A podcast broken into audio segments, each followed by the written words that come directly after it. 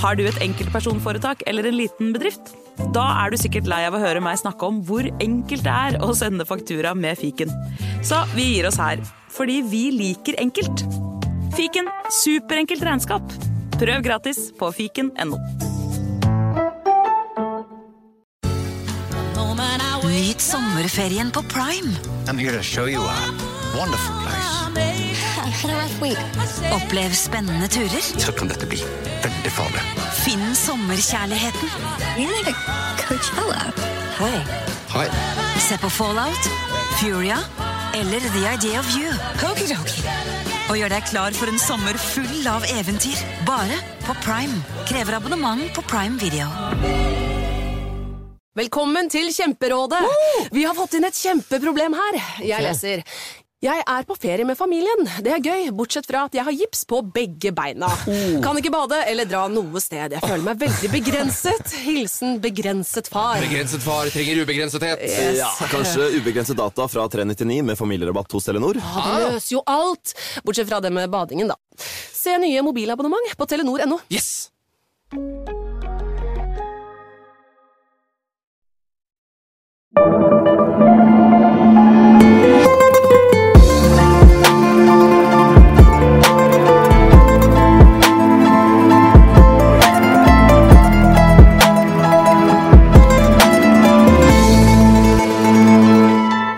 Hjertelig velkommen igjen til Gangsterpodden, podkasten som tar for seg de mest hardbarka jævlene som har levd. Mange av de i hvert fall. Ofte er de også ja, hva skal jeg si, kåte svin. Ja Hva, Hvordan går det med deg, Jim? Jo, det går veldig fint med meg. Hva med deg selv? Du er ikke et kåt svin, du? Nei. Jeg bare tenkte at vi, Siden uh, dagens episode heter Deep Throat Killings, Ja. så prøvde jeg å lage en slags uh, link til det. Ja. Og derav så rammer jeg. utpå. Ja, var det, var det så ille, da? Nei, jeg syns det var veldig bra. Eh, Jeg ble satt ut. Det er jo ikke planlagt, dette her. Så um, Ja, det kom litt bardust på, men ja, det er, stemmer jo det. Disse folka var opptatt av av damer, selvfølgelig. Eh, disse- Vi vet jo at de fleste gangsterne er eh, menn opp gjennom historien. Så Men, da, og, men damene vi har vært innom, er jo i, alltid også veldig interessert i menn, Ja. De er også noen svin på den Ja, ja, ja, ja, ja, Det skal vi ikke Har vi snakka om en damegangster som ikke elsker mannfolk, da? Det har Nei, vi det har vi ikke. De elsker mannfolka.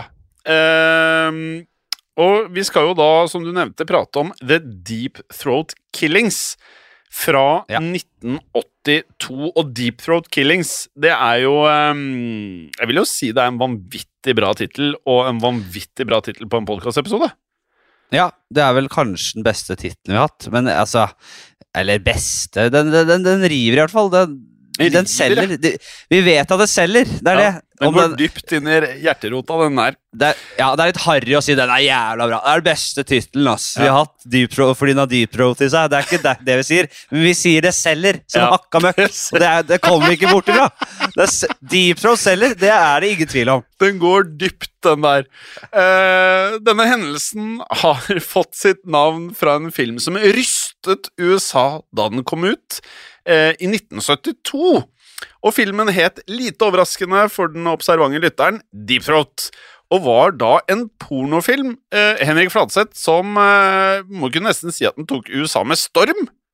Ja, Ja, absolutt. for innen 1980-tallet så hadde Deep Throat tjent eh, på den tiden helt, eh, helt vanvittige summer, altså 25 millioner eh, dollar, altså i datidens eh, penger. Og hvis vi nå justerer dette beløpet her, Fladseth, til eh, i dag, så blir dette her da 62 millioner dollar i dag. Og en kvikk konvertering i huet da, så prater vi om nesten Altså, det er over en halv milliard kroner, nesten 550 millioner, som er vilt mye penger, da. Ja, det er mye for porr. Det er mye for porr. uh, og Du skal ha dype lommer for å bla opp det her. Ja, Filmen tjente på å bli solgt til kinoer og eh, visningssteder over hele landet. Og ettersom den ble ekstremt populær, så kunne man også ta skyhøye billettpriser ikke sant? for at eh, skulle, man skulle komme inn der eh, og se på svineriet. Eh, og den var også da uhyre eh, kontroversiell på denne tiden og skapte enorm debatt. Eh, filmens rykte som ekstremt kontroversiell eh, ga jo bare folk enda mer lyst til å se den. Ja, jeg får lyst Det til å se den nå, jeg. Ja, jeg, jeg tror jeg faktisk skal om ja, vi skal må i hvert fall google du den. Ja da, vi jeg skal nok se Google. Jeg tror det finnes klipp. Nå er den jo så lite kontroversiell i dag at det sikkert er som softporn å regne. Snakk for deg sjæl. Det spørs hvor mye man har sett. Hvis du har tatt Eh. dypdykk på internett, så Men den, ja, folk fikk jo selvfølgelig bare altså, All PR er god PR, som vi vet. Ja, ja, det vet og det, dette gjorde jo bare at folk strømmet til, ikke sant. Eh, eh, men vi skjønner jo at når en pornofilm skaper så mye profitt, da er heller ikke mafiaen langt unna, Jim. Nei, selvfølgelig er det jo ikke det. Eh, for dette her var jo enda et område som eh, gangsterne var eh, involvert i. Og som vi vet, så Mafiaen var jo ofte involvert i eh, produksjoner av eh, forskjellige ting. Deriblant eh, pornofilmer. Og også i dette tilfellet så var de både på produksjonssiden og på distribusjonssiden. Og da denne nå i dag, berømte må vi kunne kalle det, eh, Deep Throat ble eh, produsert, så ble den produsert av selskapet Gerard Damiano Productions, som var oppkalt etter regissøren av filmen, lite overraskende, Gerard Damiano.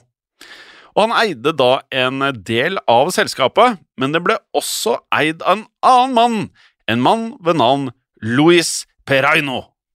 Ja, og nå må vi holde tunga rett i munnen. Det blir litt navn her nå. For Bokstavelig talt. Peraina, som var den andre som eh, eide selskapet, det var sønn av Anthony Peraino, som finansierte produksjonen av filmen med datidens 25 000 dollar. Da filmen ble lansert og den begynte å tjene penger, så fikk regissøren eh, Damiano et tilbud. Medeieren, eh, Louis Peraino, sønnen eh, eh, til, eh, til Antony Peraino, tilbød han 25 000 dollar for å kjøpe han ut og overta eierskapet av selskapet. Dette var en svært lav sum eh, og, og, og, og det, for det hadde jo liksom begynt å bli veldig tydelig at dette, denne Deep Throat-filmen var jo en pengemaskin. Eh, ikke sant? Ja, ja, ja, altså Deep Throat skulle dra inn cash, eh, og da Damiano ble intervjuet om hvorfor han solgte sin andel av selskapet såpass billig, så svarte Damiano I can't talk about it.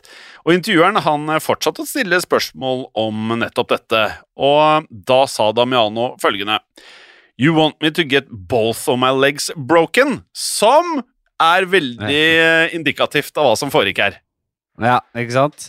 Uh, tilfeldigvis så har det seg slik at Louis Perainos far og onkel eh, Anthony og Joseph Peraino faktisk jobbet for den italiensk-amerikanske mafiafamilien Colombo. Ja, Storfisker, ikke sant? Ja, Eh, vi, og det storfisk. lå vel litt i kortene at, det var, eh, at de gutta der var mafia også. Eh, eh, og og Colombo, er jo da en av de fem store mafiafamiliene som vi har vært inne på. Og dette vet vi jo nå. Mm -hmm. Anthony og Joseph Peraino var av brødre og hadde jobbet med å produsere og distribuere pornografi i mange, mange år allerede. Porr. Det var greia dem. Ja, porr, Porno. var greia. De var i porr. De var i porr. ja drev med De var- Det var det de gjorde, de gutta der. Ja. Eh, så de hadde da holdt på lenge før det ble lovlig i USA. Ja, Så det var Eh, pionerer, nærmest. Ja, de var, de var jo det. Det var jo porno når porno på en måte begynte å bli lovlig og sånn. Så har, vi jo sett i Hva heter den derre siste serien med og Som handlet om pornoindustri, pornoindustrien og prostitusjon og Å ja, The Deuce Ja, den på der. HBO. Da, det var litt gøy, fordi det, det, det var jo sånne rom der man kunne gå inn i sånne båser. Ja, ja. Så fikk man porno der, så sto man og runka som et uh, lite helvete innpå der. Og, og så dro, gikk man ut igjen. Så det var liksom et bordell for runkere. Det, jeg synes det er et litt sånn fascinerende konsept. da Runkebordell. Og det her er jo da da med James Franco i to hovedroller. Én hovedrolle før han blir eh, Han blir vel metoo-et, han eh, Franco. Ja, gjorde han ikke det? Ja, Jeg mener det var noe ugagn eh, fra hans side, altså. Le- Men altså, som sagt så var de da i pornoindustrien lenge før det ble lovlig. Antony og Joseph Braino. Eh, Mm. og eh, Louis Braino, da unggutten, eh, han hadde jo nå da en sterk tilknytning til Colombo-familien, Ja, og det var muligens derfor Damiano lot seg kjøpe ut til en eh, vanvittig lav eh, sum her, og at han da ikke turte å snakke med noen om det, og i det hele tatt si Do you want me to get both my legs broken? Bare å si det er nok ikke så populært, vil jeg tro, da. Eh, og Pereino han brukte pengene han tjente på Deep Throat til å starte et nytt distribusjonsselskap. Eh, som da i eh, dette tilfellet da distribuerte i gåstegn vanlige filmer. Og eh, distribuerte to eh, i dag klassikere. Eh, og en av de er jo Eller begge er ikoniske. Både Dracula og en av mine favoritter, The Texas Chainsaw Massacre, som på et tidspunkt da var ulovlig å vise på kinoer i USA fordi mange av scenene var så bra laget for eh, tiden at man lurte på om det faktisk var ordentlige mennesker som ble sagd i stykker av motorsag. Ja, ikke sant? Den var også brutal på sin måte på Ja. den tida. Og jeg må bare quize deg, vet du hva Ja. han med sagen het i Texas Chainsaw Massacre? Hva han ble Han er basert Ja, nei, det vet jeg ikke, men jeg vet at han er basert på en sånn sjuk seriemorddud som uh, Som egentlig har mange forskjellige sånne filmer opp Eller sånn basert på sitt liv, men jeg husker ikke hva han het. Han- han ble- Han ble kalt i filmen som ble han kalt for Leatherface, for han rett og slett da tok av ansiktene til menneskene han drepte, og tok det Ja. utenpå sitt eget som en maske. Deilig. Ja, og det, er, og det er basert på virkelige hendelser. Ja da. Uansett, Louis Preino og faren levde jo det glade liv, eh, men nå eh, har vi jo snakket en del om eh, disse gutta, så nå skal vi faktisk konsentrere oss litt om farens bror, Joseph Preino. Som sagt så er det svært sannsynlig at han var involvert i avgjørelsen om å kjøpe Damiano og overta dette selskapet, og på den måten profitten fra, fra, fra pornofilmen Deep Throat. Ja. Men eh, Joseph eh, Pereino han eh, begynte etter hvert å bli, som veldig mange i denne podkasten her, så ble han også grådig. For det var enorm profitt involvert her i Deep Throat. Og disse profittene fra, fra filmen, den skulle jo da gå til Colombo-familien gjennom Pereino. Men eh, resten av familien fikk nå greie på at Joseph Pereino ikke hadde vært eh, helt ærlig, og det er ikke spesielt bra i mafiasammenheng. Det er aldri bra, men spesielt her. Eh, For det viste seg at eh, noe av profitten som skulle gått til familien, hadde havnet i Pereinos dype lommer. Han hadde trikset med tallene, rett og slett. Klassisk i denne podkasten, det også. Og med det tatt seg ekstra, ekstra godt betalt over en lengre periode. Lite populært. Ja. Ja, det blir ekstremt upopulært, selvfølgelig. Det vet vi. Colombo-familien kunne jo ikke ha noe av dette. At eh, en av deres egne eh, stakk unna ekstra penger til seg selv. Eh, man, det var jo kodeks. Ikke sant? Man bedrar ikke sin egen mafiafamilie på den måten. Det er helt strengt forbudt. Eh, og Josef Pereino måtte straffes, Jim. Ja, måtte straffes. Eh, og med det så satt jo da Colombo-familien, vet vi hadde jo masse, masse menn. De satt to av dem på saken, og de mennene fikk beskjed om å demonstrere hvorfor man ikke skal bedra sin La Familia. Eh, og den ene av disse to var Thomas Salvatore Gioli, med kallenavnet Tommy Shots. Ikke kødd med han, tenker jeg da. Eh, og han fikk da dette kallenavnet i 1992, som er ganske sent, eh, da han havnet i et bakholdsangrep i en biljakt.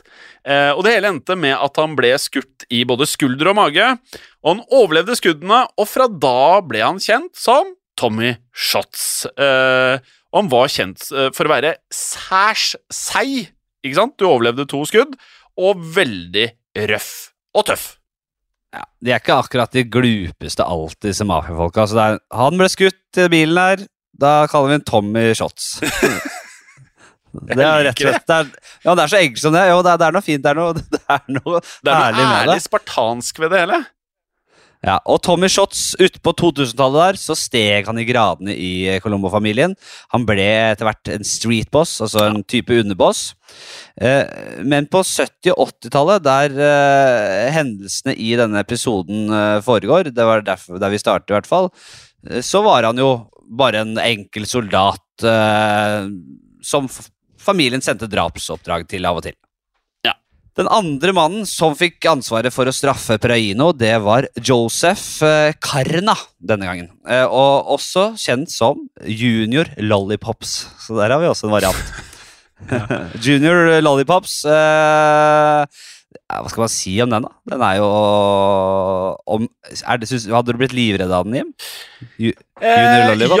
ja, eller Du vet, hvis du er gangster og du har et avvæpnende kallenavn, så kan jeg kanskje tendere til å bli enda mer redd, for at det er noe snort going on her. Og Ja. Junior er jo da navnet, eller kallenavnet på eh, onkelen til Tony Soprano. Også en taper. En, eller ikke også, men han, han var jo han var litt sånn stusslig type. han. Ja, ja, jo. Han Nå er dette bare fiksjon, Ja selvfølgelig. Men eh, Junior Lollipops, uh, i, i motsetning til uh, Gioelli, så fikk Karna, altså Junior Lollipops, dette kallenavnet i veldig ung alder. Faren hans eh, eide nemlig et spisested i Brooklyn i New York som het Lollis. Eh, siden spisestedet het Lollis, begynte folk å kalle Karna for Junior Lollipops. Så det er ikke noe stort mer enn det har vi ikke på det. Og det, det er jo som du sier, mange av disse kallenavnene her, noen av de er eh, voldsomme, andre av de føles jo ikke veldig fryktinngytende, og så er det alltid morsomt å høre hvordan de faktisk får disse navnene her. Men eh, han skal ha vært en capo, altså som eh, godt kjent for våre lyttere. Det betyr altså å være en kaptein i nevnte Colombo-familien. Eh, og han hadde også da ansvaret for å hvitvaske penger fra colomboenes gamblingvirksomheter, helt spesifikt. Og disse to organiserte det som skulle skje, og satte da menn under seg til å ta seg av Pereino. Og nå må vi eh, eh, komme frem til datoen her, for det er 4. januar 1982, og veldig spesifikt, det er klokken åtte om kvelden, hvorpå Joseph eh, Pereino er ute med sin sønn langs Lake Street i New York. Eh, og sønnen var av en eh, alder som gjorde at han eh, kunne ta del i farens eh, pornobedrift. Og videre da så spaserte de blokken 431 Lake Street, for å være helt nøyaktig, og der kom det kjørende en bil. Og idet bilen kjørte forbi dem, så trakk passasjerene i bilen frem eh, hagler og åpna rett og slett eh, ild mot dem på åpen gate. Ja, Joseph Perino og øh, den unge pornosønnen hans forsøkte å kaste seg unna, men de rakk ikke å komme seg i sikkerhet. Sønnen ble truffet, han ble hardt skadet. Han falt sammen og døde rett og slett på stedet. Og Josef Peruine selv, han ble truffet minst én gang nederst på ryggen. Da kuleregnet var, øh, hadde lagt seg og bilen kjørte sin vei, så lå Josef Peraino på bakken. Han var fortsatt i live her. Han overlevde, men skadene førte til at han ble lam i store deler av kroppen. Men Fladseth, det var nok et offer i, eh, hvis vi kan kalle det overfall eller drive-by, eh, et offer som familien ikke hadde planlagt å skade her. Inne i eh, leiligheten som Pereino og sønnen hans eh, gikk forbi da, det, da de ble overfalt, skutt på, så bodde det et ektepar i 50-årene. Dette var Mm. herr og fru Surav, Suro, eh, og de hadde eh, nylig flyttet inn i leiligheten. Og vi trodde det var fryd og gammen. Så da klokken åtte den kvelden så var de eh, gamle i 50-årene der opptatt med å rydde vekk eh, det nyvaskede tøyet. Eh, satt, hengte opp det, rett og slett. Så herr Su Surso han satt og brettet sammen klær mens han så på TV. Kona hans, fru Surso, var også i stua og holdt på med dette her. Og hun var tidligere nonne, som på den tiden jobbet som sosialarbeider. Ja, og for å gå i detalj her, det som skjedde var følgende. Fru Surov hadde akkurat reist seg for å rydde vekk en bunke med sammenbrettede klær og legge dem i skapet. Hun passerte inngangsdøren for å gå til soverommet, og i dette øyeblikk så passerte Peraino og sønnen utenfor her. Um, og dette var jo også samme øyeblikk som de to i bilen åpnet ild mot Peraino-sønnen. Og da dette skuddregnet som da skadet Peraino og drepte sønnen hans, det rikosjerte mellom veggene i dette leilighetskomplekset, slik at noen av disse skuddene de fløy rett gjennom døren, inn i veggene, inn i leiligheten, rett til ekteparet Sura. Og flere av disse kulene boret seg rett og slett gjennom døren deres og traff fru Surov, som da sto på andre siden av døren. Så dette er vanvittig mye tilfeldige hendelser som da leder til noe tragisk. Ja, absolutt. Jeg vil bare beklage at jeg sa Sursov i stad. Surov, selvfølgelig. Eh, og denne herr Surov han rakk bare å registrere lyden av et skudd før han så kona falle om med ansiktet dekket eh, av blod. Hun hadde fått opptil flere hagleskudd i hodet og døde på flekken, selvfølgelig. Eh, mafiaens mål var jo Praino, men han overlevde. Sønnen hans og den uskyldige fru Suro måtte da bøte med livet. Sånn er mafiaens grusomheter Ja. og dens, dets konsekvenser. Ja, og så er jo dette her med herr og fru Surov Altså Vi tar det med. Dette her er jo eh, vanvittige eh, hendelser som da skjer, som sikkert skjer ofte med mafiaen, som man rett og slett ikke får gjenfortalt historien. Derfor så er det eh, viktig å ha det med her. Eh, for Surov han kunne ikke gjøre annet enn å se konen som eh, døde her. Han døde selv av sykdom i, ikke veldig lenge etter, i 1986, så han fikk aldri vite hvem som sto bak skuddene som drepte konen hans. For det var først på 1990-tallet at politiet fikk konkrete spor i denne saken. For en tidligere kaptein i nevnte Colombo-familien begynte nemlig da å ja, oppgi det han hadde av informasjon eh, ved en anledning han ble arrestert av politiet. Og han påsto da at han hadde vært en av de som utførte selve skytingen med disse haglene, og at det var han som hadde skutt Pereinos sønn. Han sa imidlertid at det var to andre gangstere sammen med han også, at det ikke kun var to, men tre totalt, som da hadde avfyrt skuddene som drepte fru Suro. Ja, og de to gangsterne han oppgav navnene til, var allerede døde på dette tidspunktet. Eh, så det ble dermed ikke gjort stort mer med denne saken. Men på 2000-tallet så dukket det opp ny informasjon. I 2008 så ble Tommy Shots Gioli eh, arrestert eh, og ble siktet på flere punkter. I fengselet så snakket han med en annen fange om det han hadde gjort. Ja, og dette her er veldig vanlig i den kriminelle verden, er at eh, det Ja, ja, utveksles det- info i uh, kasjotten. Ja, og, og, og dette, er lett, dette blir jo som en liten krim i dag. Da, dere. Det er litt kri- Eh, krimmete, den og, der. og, og til den andre fangen så avslørte han at det var han og Junior Lollipops Karna som hadde arrangert drapsforsøket, som til slutt førte til fru Surovs død. Ja, og vi vet jo godt fra tidligere episoder av Gangsterbåten at mafiaen ikke nødvendigvis har den store medfølelsen for andre folk, og en skulle jo tro at Jolly ville ansettes som svært uheldig, men ikke spesielt alvorlig at en utenforstående skulle bli drept i denne skuddvekslingen. Men vi skal også huske på at i Italia så er man jo veldig katolske, og at fru Surov var en tidligere nonne. Ja, Så Gioli eh, fortalte denne medfangen at han var dypt preget av uh, fru Surovs død. Han sa 'I'm going to hell'. Jeg kommer til å rett og slett havne i helvete for dette her. Ja. Og han var helt forferdet over at han var ansvarlig for en tidligere nonnes død. Dette, dette likte han jo Ja, det her, svært det her må jo gå rett, rett eh, dypt i rota til mafiaen nå. Ja, Katolisismen gjennomsyrer jo det italienske samfunnet generelt, og mange har en veldig sterk tro, også i mafiaen. En veldig sterk gudstro. Eh, og derfor var det jo en krise, selvfølgelig, å knerte en nonne, selv om det ikke var med vilje. Eh, uheldigvis for Gioli så var denne fangen han snakket med, i virkeligheten en Aha. informant for politiet. Så da Gioli fortalte at han og Karna hadde arrangert drapet, gikk informanten rett til politiet og fortalte hva han hadde hørt. Ja, Det er riktig, men selv om informasjonen ble offentliggjort, ble verken Gioli eller Karna siktet. Eh, De havnet riktignok i fengsel for helt andre forhold. Karna han ble tatt for hvitvasking av penger for mafiaen, og Gioli han ble siktet for hele seks andre mord, sikkert gjort vesentlig flere.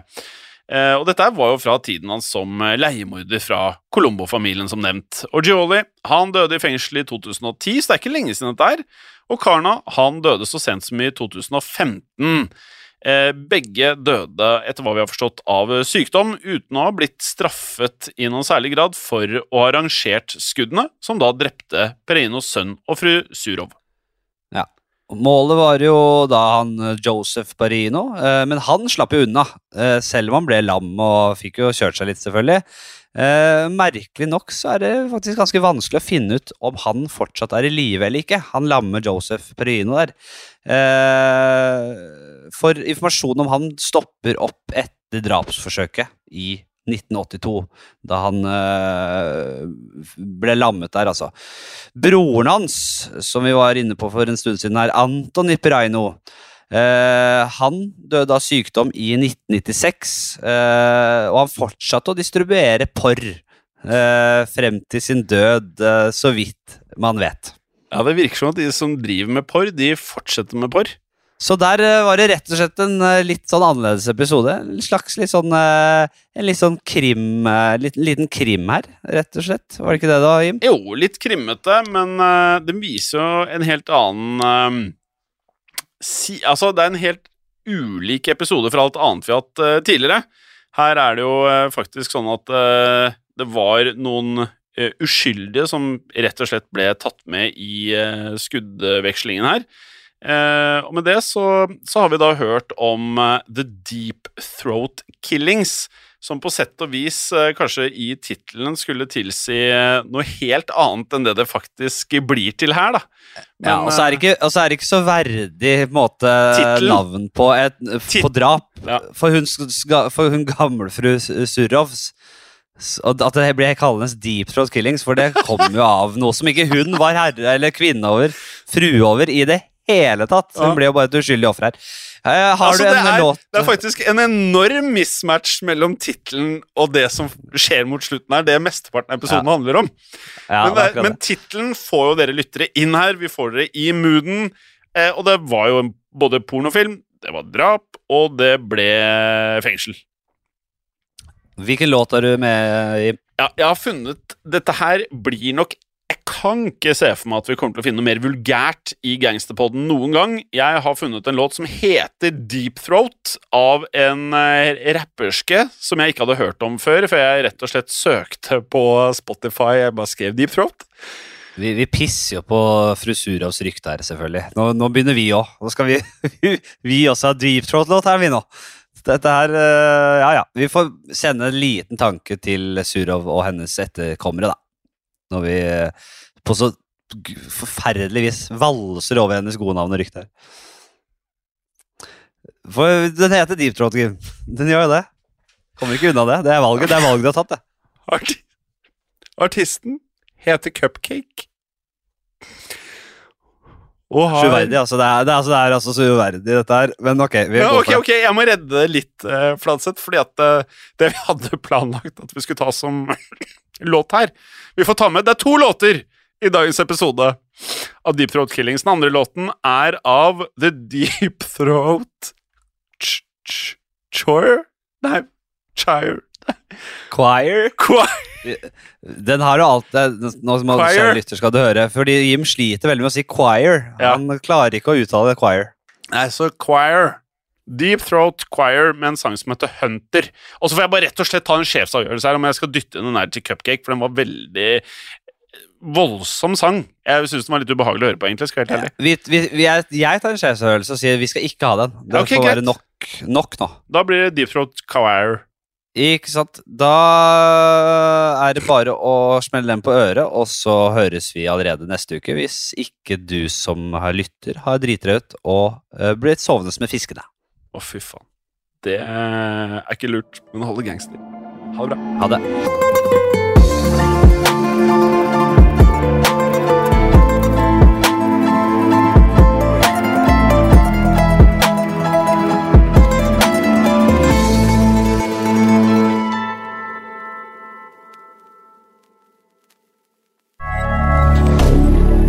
moderne media. Kan kundene dine betale slik de ønsker? Med betalingsløsninger fra Svea øker du sannsynligheten for at kundene fullfører et kjøp, fordi de finner sitt foretrukne betalingsvalg. Svea vår jobb, din betalingsløsning. Enklere, raskere. Si signore, Morten. Uh, ciao, Jim. Prego. Og ciao eller prego til alle våre kjære lyttere. Og i dag så har vi en stor eh, eh, til eh, dere alle sammen. Et tilbud som lytterne kanskje ikke kan si nei til. For vi har bestemt oss for å gi dere en liten smakebit på hva man får med abonnement i Untold. Eh, si, men hva er Untold, Morten? Uh, Untold er en app, app der du kan høre en rekke podkaster. Mange titalls podkaster helt uten reklame. Ja, og ut eh, mai så kan eh, alle lytterne våre da høre episoder som du vanligvis kun ville kunnet høre i Untold. Ja, for uh, som Untold-kunde så får du nemlig en ny reklamefri episode av Gangsterpodden hver eneste uke hele året. Ja, og i eh, Untold så får du også ukentlige episoder av Synderne, eh, som da er Synderne, og True Crime-podden, samt masse miniserier eh, som eh, du og jeg er med i, blant annet samlingen av Japan og også Ukrainas turbulente historie. Ja, og så får man jo også tilgang til Historiepodden, og der vil man kunne høre episoden om torgslaget i Kristiania i forbindelse med 17. mai, og den bør alle få med seg. Ja, og det tenker du er spesielt relevant, for vi er i mai måned, da, eller? Det er nettopp det, vet du. Si. Og er det sånn at du som nå hører på, sitter igjen og tenker at du ønsker å høre en ny episode av Gangsterpodden hver eneste uke? Da er jo dette her veldig enkelt, for da er Untold løsningen for deg. Nettopp, så da går du inn på AppStore eller Google Playstore og laster ned Untold, eller du bruker nettleseren og går til untold.app for å starte ditt abonnement i dag. Si. Og da kan du da få 30 dager helt gratis hvis du ikke har gjort dette tidligere også, og det er jo en eh, overraskelse du ikke kan si nei til. Ja, det er en grunn til å ikke sove med fiskene. Ja, det er det, men også holde det gangster. Ha det bra! Hei, Fredrik og Bjørn Henning her. Vår nye podkast Fordomspodden den er ute nå. Podkasten der norske kjendiser møter seg selv i døra. Har Kristin Gjelsvik alltid drømt om å lære seg å jodle? Ler Stig-Henrik Hoff av eventyret Askeladden som kappåt med trollet? Bytter Katrin Sagen dobørste minst to ganger i året? Og har Didrik Solli Tangen sunget My Heart Is Yours som nattasang for barna sine?